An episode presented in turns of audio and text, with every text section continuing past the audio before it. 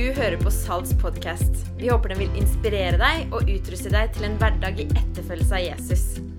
Du er alltid velkommen til våre forsamlinger, og akkurat nå starter vi opp i Trondheim og Skien i tillegg til de forsamlingene vi har i Hordaland. Sjekk våre nettsider for mer info. Og nå god lytting. Men adventstid, det handler om å glede seg, gjør det ikke det? Og det handler om å forvente, og det handler om å se fram mot jul.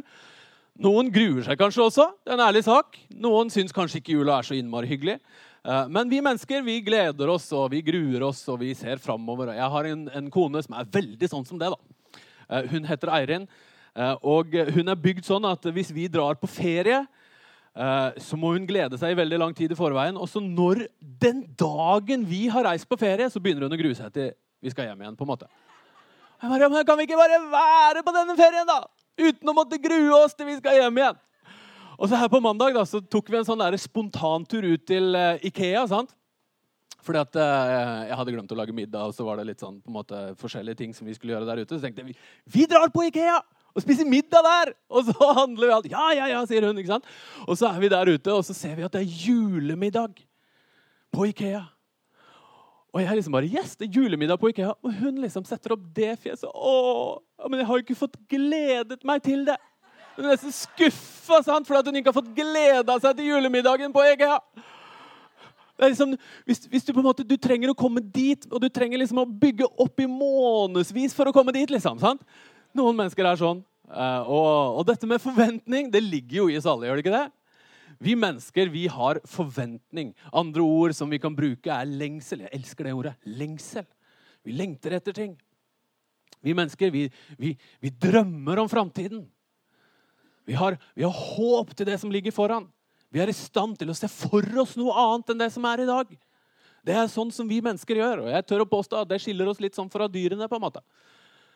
Du har aldri hørt om en, eh, en edderkopp som på en måte lengter etter et liv uten spindelvev. Eller liksom en sebra som skulle ønske å, bare jeg hadde blitt kvitt stripene mine. Det er liksom bare på barne-TV. da. Vi mennesker vi er i stand til å lengte og se for oss noe.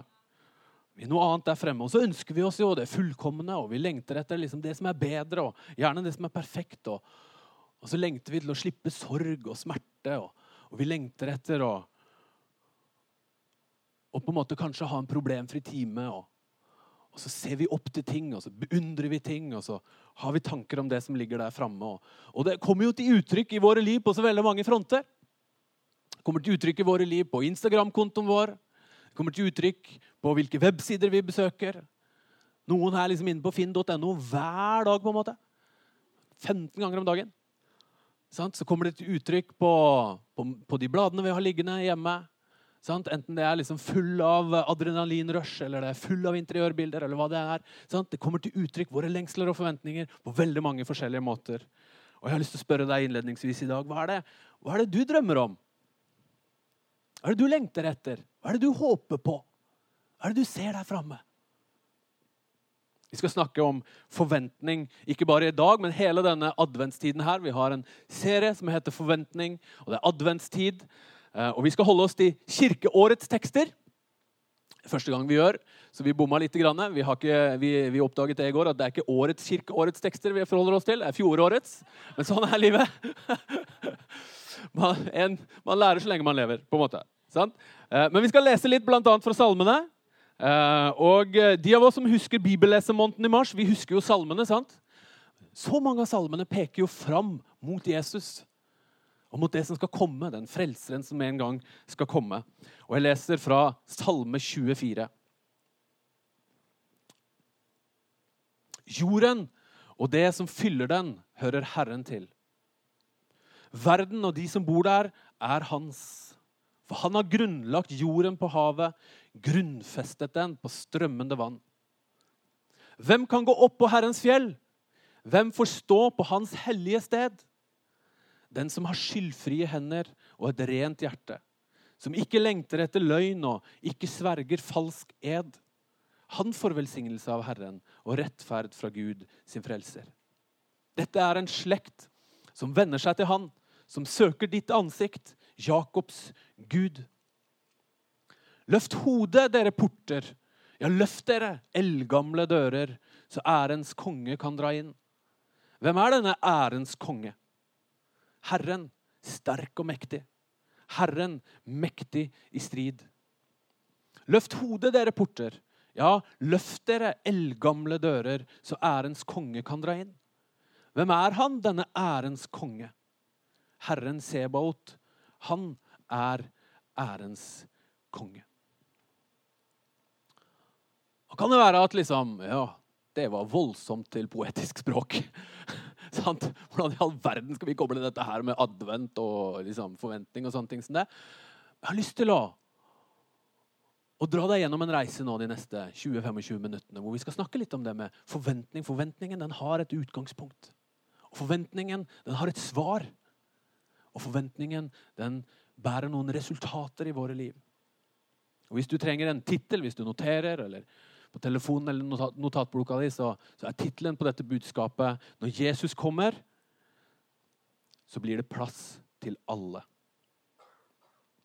Du vet, Problemet med lengselen etter mer, drømmen om en bedre framtid, det er at vi, vi mennesker vi søker etter den så utrolig mange forskjellige steder. da. Og så tror vi liksom at det der framme et eller annet sted så finnes lykken. Og at det faktisk er noen som, som lever sånn og har det sånn. Hjemme i vårt hus ligger det sånne interiørblader. Det ligger sikkert eh, det rundt omkring hos dere også. sant? Og Jeg blar jo aldri i de, for jeg syns det er utrolig kjedelig. Sant? Men her en gang som jeg satt på et visst sted og ikke hadde noe annet å bla i, så bladde jeg i det. Sant?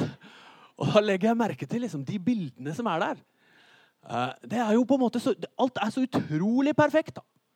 De har liksom brukt timevis sant? Vi har brukt timevis på å line opp ting, og det er helt riktige farger, og alt ligger der det skal ligge på millimeteren. Ja, men litt mer dit, og så litt mer dit. Og så på en måte, så tar de et bilde der alt stemmer. Og midt inni der så er det en sånn fantastisk, perfekt familie med et lite barn på armen. Og du bare tenker liksom Ja, de vil jeg være. Jeg vil være de akkurat der, på det stedet hvor alt er perfekt. Sant? Og nå kan det hende at du liksom er litt sånn som meg og tenker at ja, ja, ja, ja, noen liker det der, noen andre liker noe annet. på en måte. Og På Jesus sin tid så, så, så var det en liten elitegruppe som definerte det perfekte. Og som alle så opp til. Og det var den religiøse eliten. De som fikk det til liksom, med religionen. For et par uker siden så hørte vi Patrick O'Connell snakke om de. Det var fariseerne og sadukeerne. De var liksom de som folk så opp til. Det var de som var i de interiørbladene. Det var de som var på framsiden av stylingmagasinene. Det var de som ble beundra. Israelsfolket på den tiden de levde i et, i et, teokratisk samfunn. Det betyr at Gud var liksom en del av alt og alle. Og, og, og, og, disse var på en måte de som fikk de greiene der til. Det var de alle så opp til. Det var de alle beundra. Men det var så utrolig smalt. Det var så ufattelig mange regler. Det var så ufattelig liksom, mange ting du måtte gjøre helt riktig. Og det var nesten ingen som nådde opp til standarden. Altfor få. Og vet du hva? Gud er jo ikke sånn. Gud tenker jo ikke på den måten der. Hør en gang til hva David sier i denne salmen. Jorden og det som fyller den, hører Herren til. Verden og de som bor der, er hans. For han har grunnlagt jorden på havet, grunnfestet den på strømmende vann. Du vet, Gud, han er suveren. Og alt tilhører han. Og alle tilhører han. Ikke bare den lille eliten som får det til. Ikke bare de som, som duger og er perfekte og lever drømmelivet. Det er ikke bare de. Utgangspunktet er at han har skapt alt. Og han skapte det helt perfekt. Og egentlig så tilhører vi han. Og Derfor så, folkens, så er det sånn at alle våre drømmer og lengsler, alt det vi håper på, alt det vi lengter etter der framme og forventer, det finnes egentlig i vår historie. Det finnes egentlig tilbake der en plass.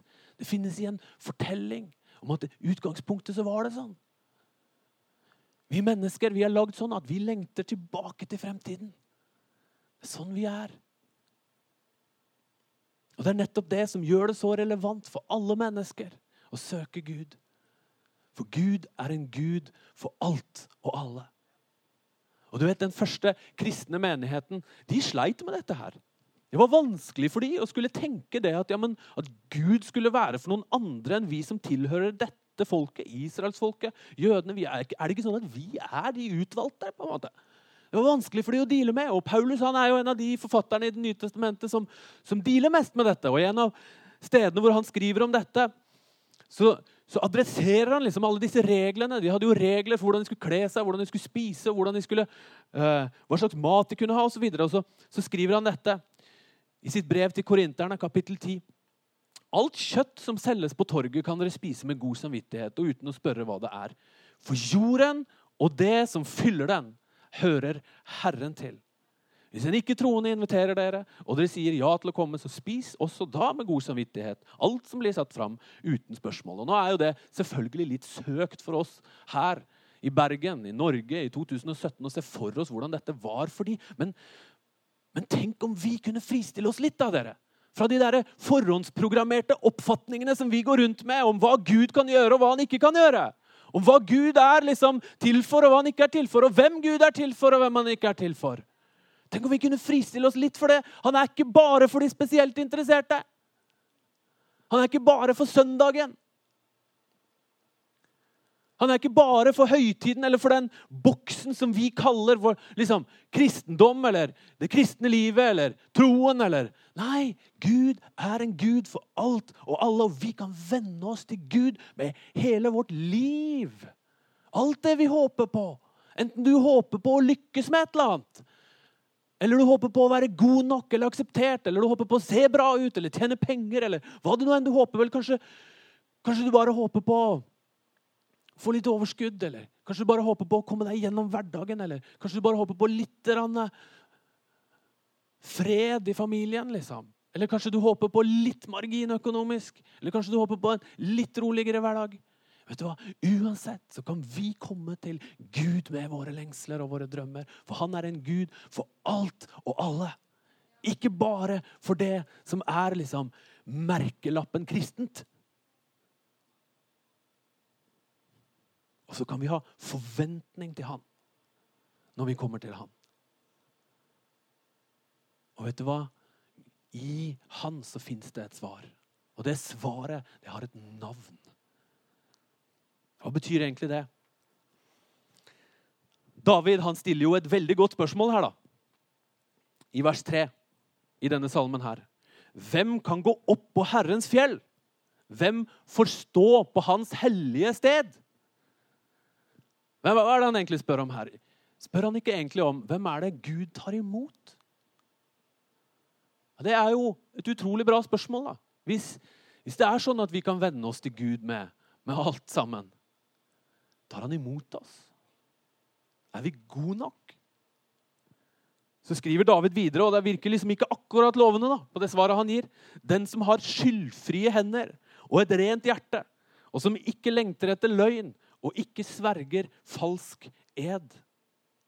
Han får velsignelse av Herren og rettferd fra Gud, sin frelser. Og Nå var det jo akkurat disse tingene sant? på den tiden der som Jesus ble født, som den religiøse eliten hadde grepet fatt i. Fariseerne de hadde jo grepet fatt i dette, og så hadde de lagd det regimet av regler og, og, og, og liksom uh, Masse greier som folk måtte følge. Og Konsekvensene var at folk bar på enorme byrder. Og Det, sånt, det var et sånt rop i folkesjela etter utfrielse.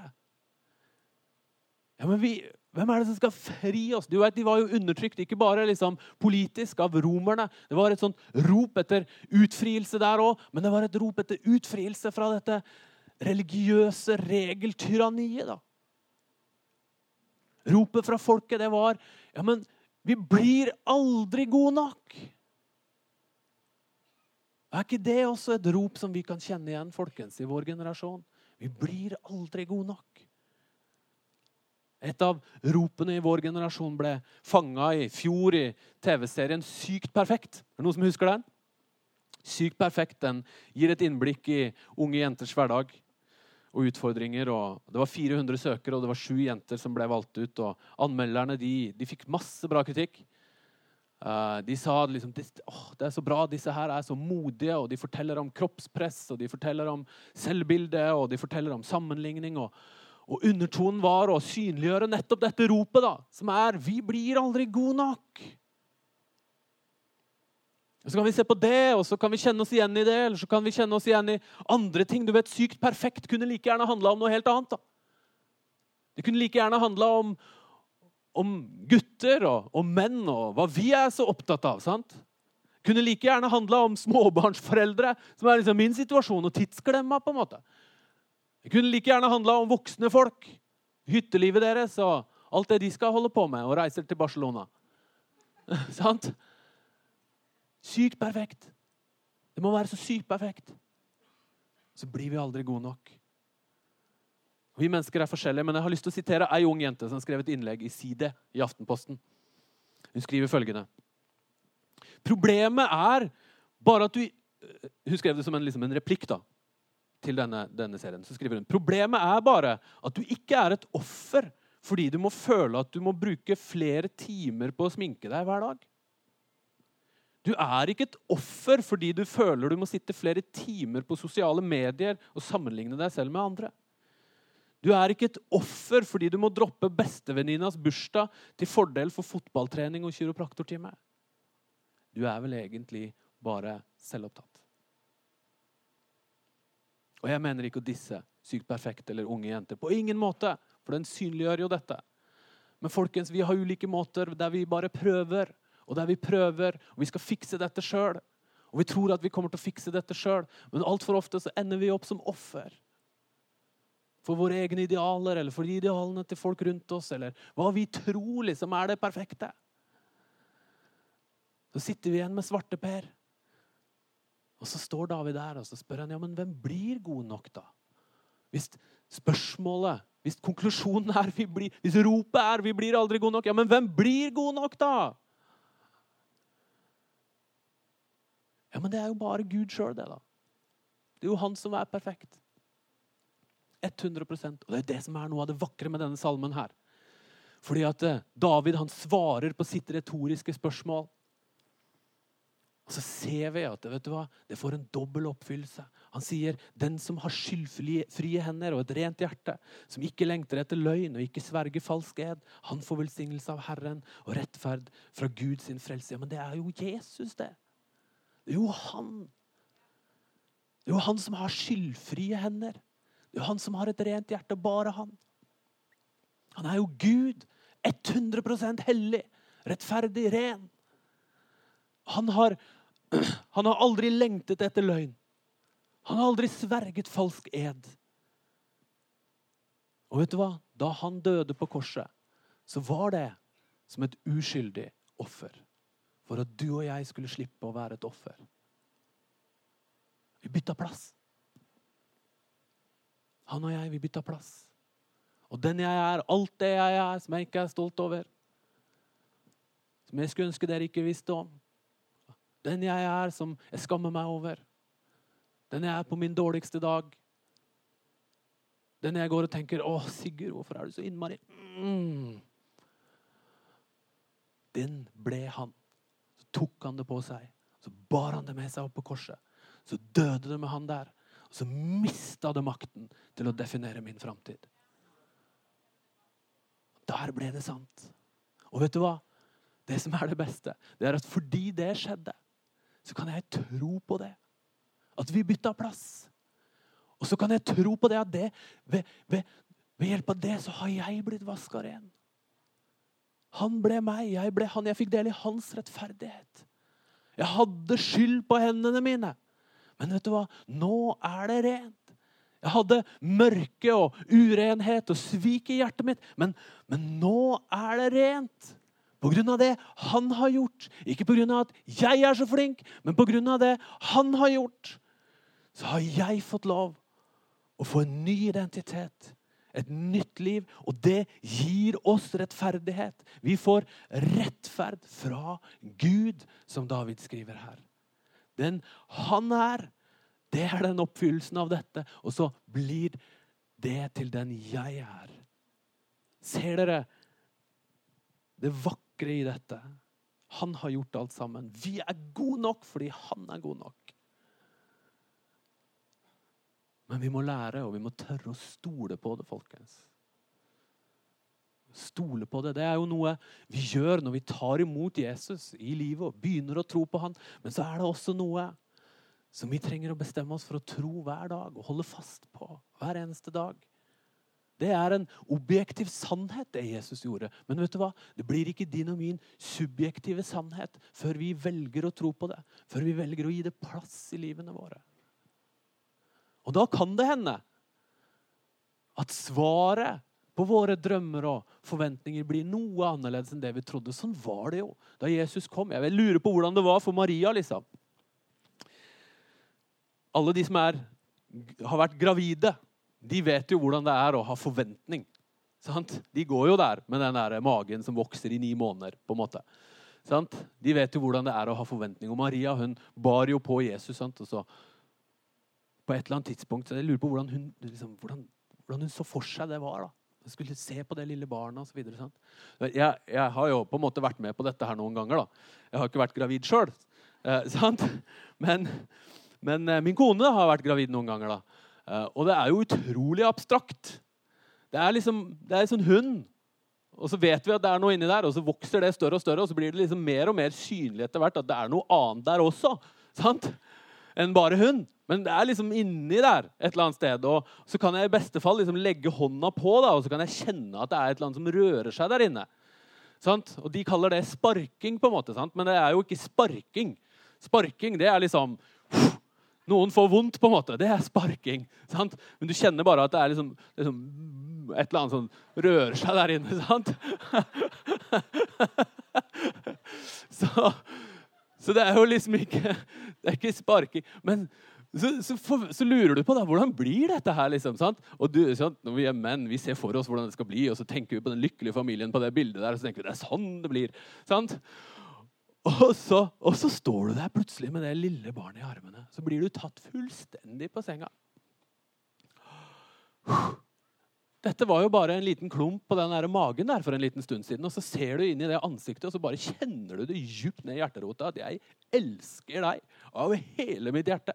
Og jeg hadde dødd for deg anytime. Helt annerledes enn det du kan forvente. Og Så kommer det litt senere, og så skjønner du at ja, dette mennesket her, det er jo ikke bare et vakkert lite spedbarn. Det er en terrorist! men jeg elsker deg likevel! Hadde ingen som helst anelse om at jeg kom til å få en terrorist. I hvert fall ikke tre. Sant? Men, men du elsker det, da. Så utrolig høyt. Men det var helt annerledes enn det du forestilte deg. Sånn var det jo med Jesus. Og Når vi stoler på han og setter våre lengsler og forventninger til han, vet du hva, så må vi åpne litt opp og tenke at det kanskje det ikke blir akkurat sånn som vi hadde tenkt. den fine, flotte familien der. Men, men det overgår jo alle våre forventninger når han blir svaret på våre forventninger. Du og jeg vi har jo drømmer og lengsler og forventninger. har Vi ikke det? Vi lengter tilbake til fremtiden. Så kommer vi til kort i vår eget strev. Legger vi oss om kvelden altfor ofte. Dømmer oss sjøl nord og ned og tenker at åh, hvis jeg bare hadde vært litt mer sånn eller litt mer sånn. Men så kom Jesus, og så snudde han rundt på alt. Så fikk alt et nytt lys. Så ble han svaret. I han så er alle løfter oppfylt. I han så er alle bønner besvart, folkens. I han er vi gode nok. Og han tar imot alle, han. Uansett åssen historie du har. Uansett hva du føler er bra, og hva du føler er dårlig i livet ditt. Uansett om du føler skam liksom, rundt alle mulige rare ting. Han tar imot deg akkurat sånn som du er. For vet du hva? Han er ferdig for lenge siden han med det spørsmålet om du er god nok eller ikke. Det ble ferdig, det, på et kors for veldig lenge siden. Men du og jeg, vi trenger å tro på det. Vi trenger å stole på det.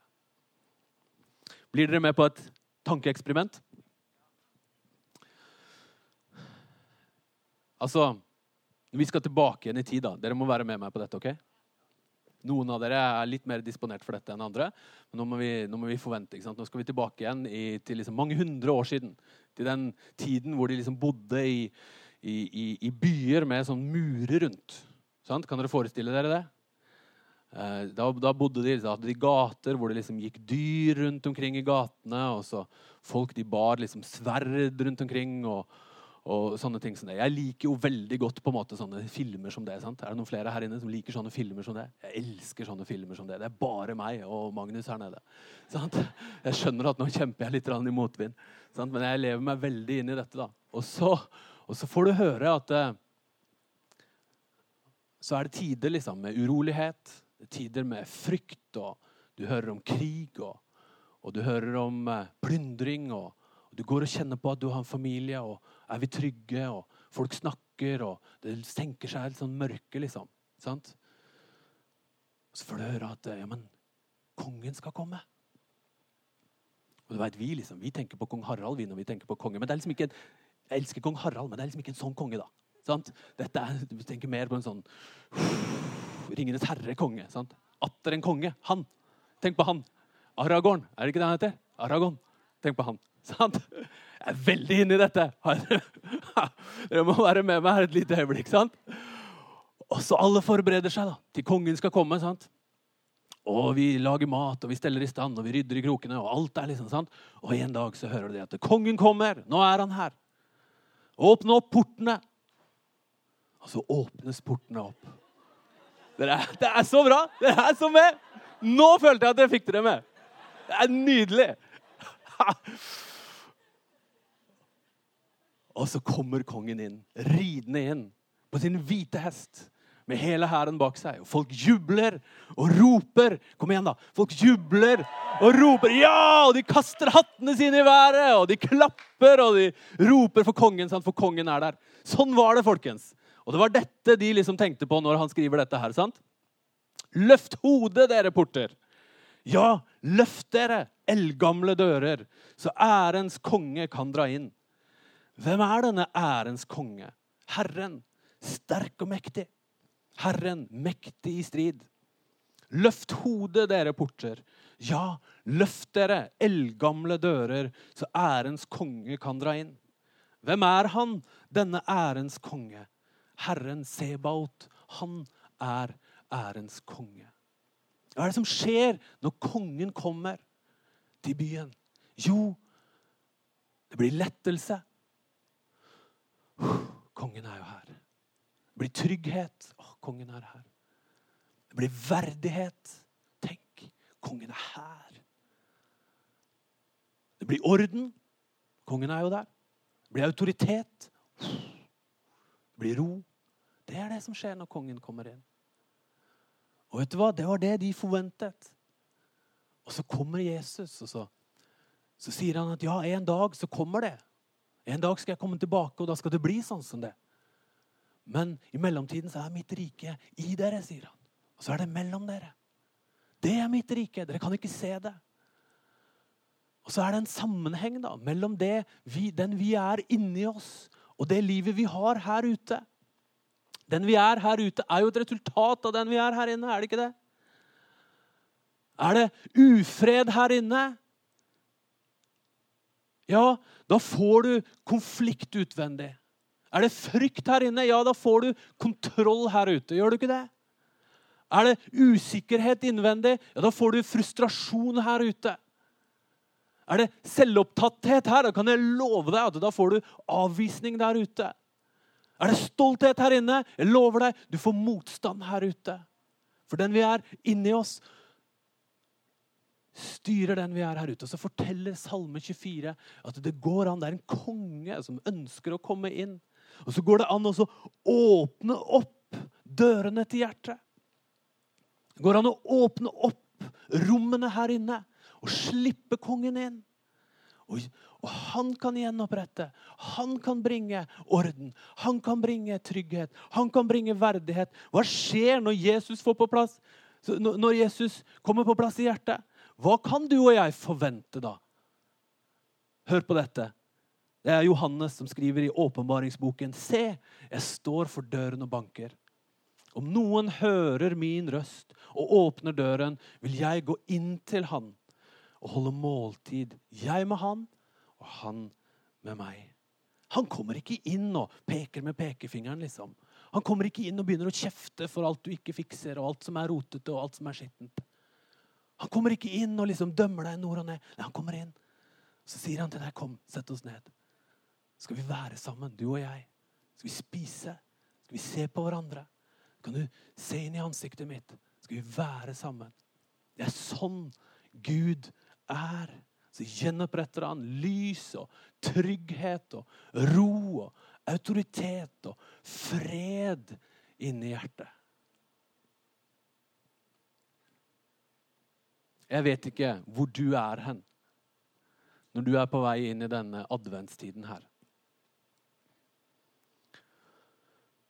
Kanskje Jeg tipper at det er med deg sånn som det er med meg. At det er ikke alt som er perfekt. Det er ikke alt som er liksom high fly. Kanskje er du en av de som gruer deg til jul. Sånn som så utrolig mange andre, så er jula noe av den vanskeligste tiden i året. Kanskje er du en av de som føler på presset av det perfekte. Enten det er jula det handler om, eller det er livet, eller utdanningen din, eller andre områder. og du kjenner på presset, eller kanskje det er drømmer, eller lengsler, eller sorger eller skuffelser du går og bærer på. Aner ikke hva som har truffet deg i det som jeg har snakket om, men jeg elsker det lille verset som er i midten her. Vers 6. Dette er en slekt som venner seg til han som søker ditt ansikt, Jakobs Gud. Søker Guds ansikt. Hva betyr det å søke Guds ansikt, da? Vi sier jo det i velsignelsen også. sant? Herren velsigne deg og bevare deg. Herren la sitt ansikt lyse over deg. Være deg nådig. Hva betyr det for noe? Hva finner vi i Guds ansikt? Peter Halldorf, den svenske teologen og forfatteren sier det at hva er, hvor er et menneskets ånd å finne, om ikke i dets ansikt? Du lukker øynene nå, så kan du forestille deg hvordan det er å se inn i Guds ansikt. Vet du hva? Han, han smiler. Øynene hans ler når de ser på deg. Det er ubetinga kjærlighet. Elsker deg jenta mi. Elsker deg, gutten min. Du er så ufattelig viktig for meg. Jeg vil at du skal ha det bra. Jeg vil at du skal lykkes. Du betyr så ufattelig mye for meg. Jeg har vært der siden du var lenge før du klarte å tenke. Jeg har tenkt på deg fra, fra før jeg grunnla verden. Det er det du ser når du ser inn i Guds ansikt. Det er ikke et spørsmål om å være god nok. Det spørsmålet det ble han ferdig med for utrolig lenge siden. Vet du hva? Du er god nok på grunn av Jesus. Og det er han som har vist oss dette her. Kan vi reise oss sammen, dere? Det er Jesus som har vist oss hvem Gud er. Det er han som har vist oss hva som er å finne i Guds ansikt. Og vet du hva?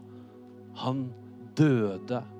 Han bytta plass med deg ut av kjærlighet til deg. Og Min oppmuntring til deg det er å ta med din søken og forventning i denne adventstiden her. I den juletida her. Ta med alt det du drømmer om og håper på. Ta med det som du ser fram mot. Ta med det du lengter etter. Ta med din forventning, og så vender du det til Han. Så søker du Hans ansikt. Tenk om vi kan være en sånn generasjon, en sånn kirke en sånn folk, en sånn gjeng som søker hans ansikt. Fordi vi vet at ja, men det er der vi finner svaret. Det er der vi finner kraft og mot og håp og liv. Og har lyst til å oppmuntre deg til det denne adventstiden her. Ikke bare liksom la deg skli med på alt stresset og maset og jaget, og alt som skal være gjort før jul, og alt som må fikses. Søk Guds ansikt. Ha forventning til Han. Vet du hva? Han er der. Han lar seg finne. Han er ikke langt borte fra noen av oss.